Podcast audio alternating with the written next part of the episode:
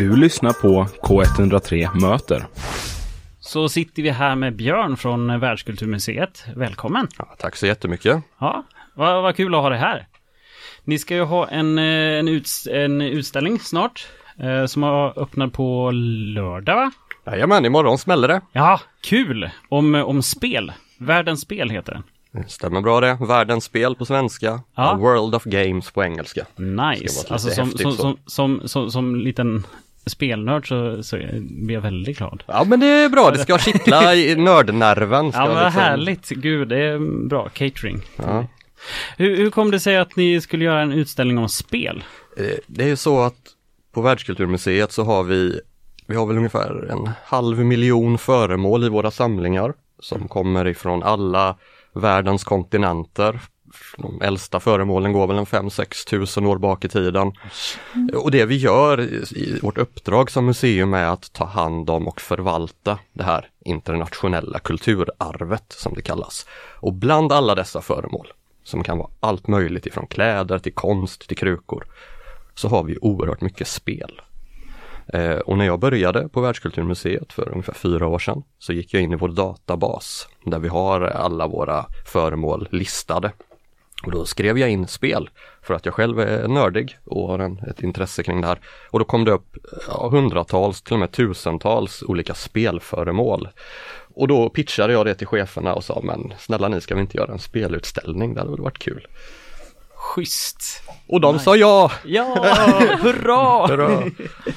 Men eh, vad, vad kommer det liksom, vad kommer finnas med i utställningen då? Liksom så här, du, du pratar ju så här flera tusen år fram till nu, eller?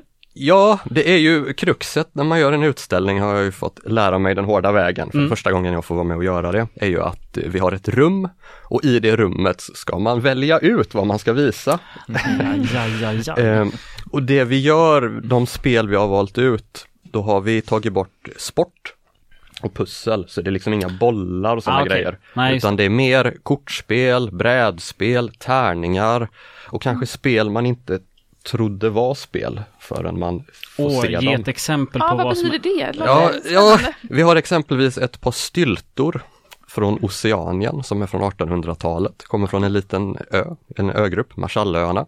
Ett par oskyldiga snidade vackra styltor som man hade som en del av en ritual, de här styltorna. Där det var ofta män som skulle ta på sig ett par sådana här styltor och så skulle man knuffa omkull varandra. Så det här är lite mer i lekhållet. Ah. Men en kul grej med de här styltorna, det är att i den här kulturen så använder man begreppet mana som ett sätt för andlighet och styrka. Och det här är ju Ah. ett, ett, grepp som har, är ju ett begrepp som har kommersialiserats i spelvärlden när man ofta har mana när man ska kasta trollformler eller visa spirituella krafter. Och det tyckte jag var en rolig koppling för det, det finns då historiskt att man faktiskt har använt det begreppet på riktigt som en del av ett trossystem. Alltså jag blir så glad. Alltså jag blir så nördglad. Ja, jag vet! Jag, jag, jag, jag.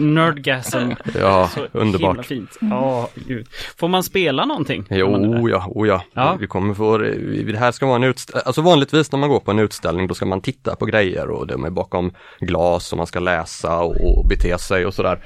Men här har vi försökt göra så mycket som möjligt spelbart. Inte allt, ja, vi, kan inte, vi har ungefär 100 spel vi ställer ut i utställningen. Eh, man, vi kan inte spela allting, men man kommer kunna spela, vad är det, 15-tal fysiska spel, där det liksom är brädspel, kortspel, tärningar som man kan pilla på och sätta sig ner och testa. Sen har vi ett, vad blir det, ungefär 20 spel man kan spela digitalt på olika skärmar och sådär. Ah, coolt. Sen har vi en del andra som kanske inte är spel men man kan utforska olika, typ så här, hur schack spreds över världen på skärmar och sådär. Inte riktigt Ah. spel men så det finns rätt mycket att pilla på. Vad är, vad är det liksom för åldersspann? Jag är ju småbarnsförälder så jag är ju intresserad av liksom så här, vad, vad kan man säga är åldersspannet på? Vi eh, tänker så här att eh, dina barn är hemskt välkomna. Mm. Eh, vi vill att det här ska vara en utställning där du ska kunna komma som, är man ett gäng vuxna och vill komma och nörda ner sig och utforska spel, då ska man kunna göra det. Men vill man ta med sin femåring så har vi spel som passar för det också. Har man en tvååring, treåring, ja vi har några spel där man ska kasta grejer, Mm, det kan funka. Ja. Och är man 75 är man väl, alltså det, vi, Ja. vi har tänkt det här generationsöverskridande, vi Mm. tror alla kan mötas kring spel och det är något vi har försökt designa utställningen kring då, man ska kunna uppleva den ihop. Ah, just det. Ja men vad kul. Men eh, har ni också spel från liksom hela världen? Är så här, eh, det ja, Ja, exakt. Vi, vi är så här, vad ska vi döpa utställningen till? Så här, världens spel. Eh, Ja, vi har, alltså tekniskt sett så har vi spel från alla världens kontinenter. Det är väl så någonstans vi har tänkt att, att vi visar upp ur våra samlingar men också inlånade och en del inköpta spel. Vi visar också in en del lite modernare spel och gör de kopplingarna. Men vi har inte spel från varje enskild kultur eller liksom exakt varje land. Så, så man kanske kan så reagera lite på namnet men vi har ganska mycket av världens spel.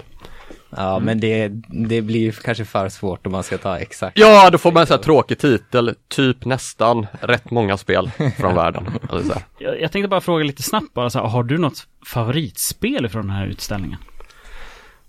Ja, ehm, jag har många, så här är det ju att kommer man till utställningen så kommer man eh, möta en del spel man känner igen och man kommer också möta spel som jag tror man inte känner igen, som man inte har sett förut. Och det, där ligger ju mitt hjärta är ju bland de här kanske lite mer obskyra museispelen. Mm. Ett sånt spel jag tycker är spännande är att vi har ett av världens Eh, eller så här är det, det äldsta spelet vi har i utställningen är ungefär 5-6 tusen år gammalt, kommer från Egypten. Det finns två sådana spelbräden kvar i hela världen som man känner till. Ett är hos oss, ett är i ett museum i Kairo. Och den här spelplanen är en stenplatta med rutor.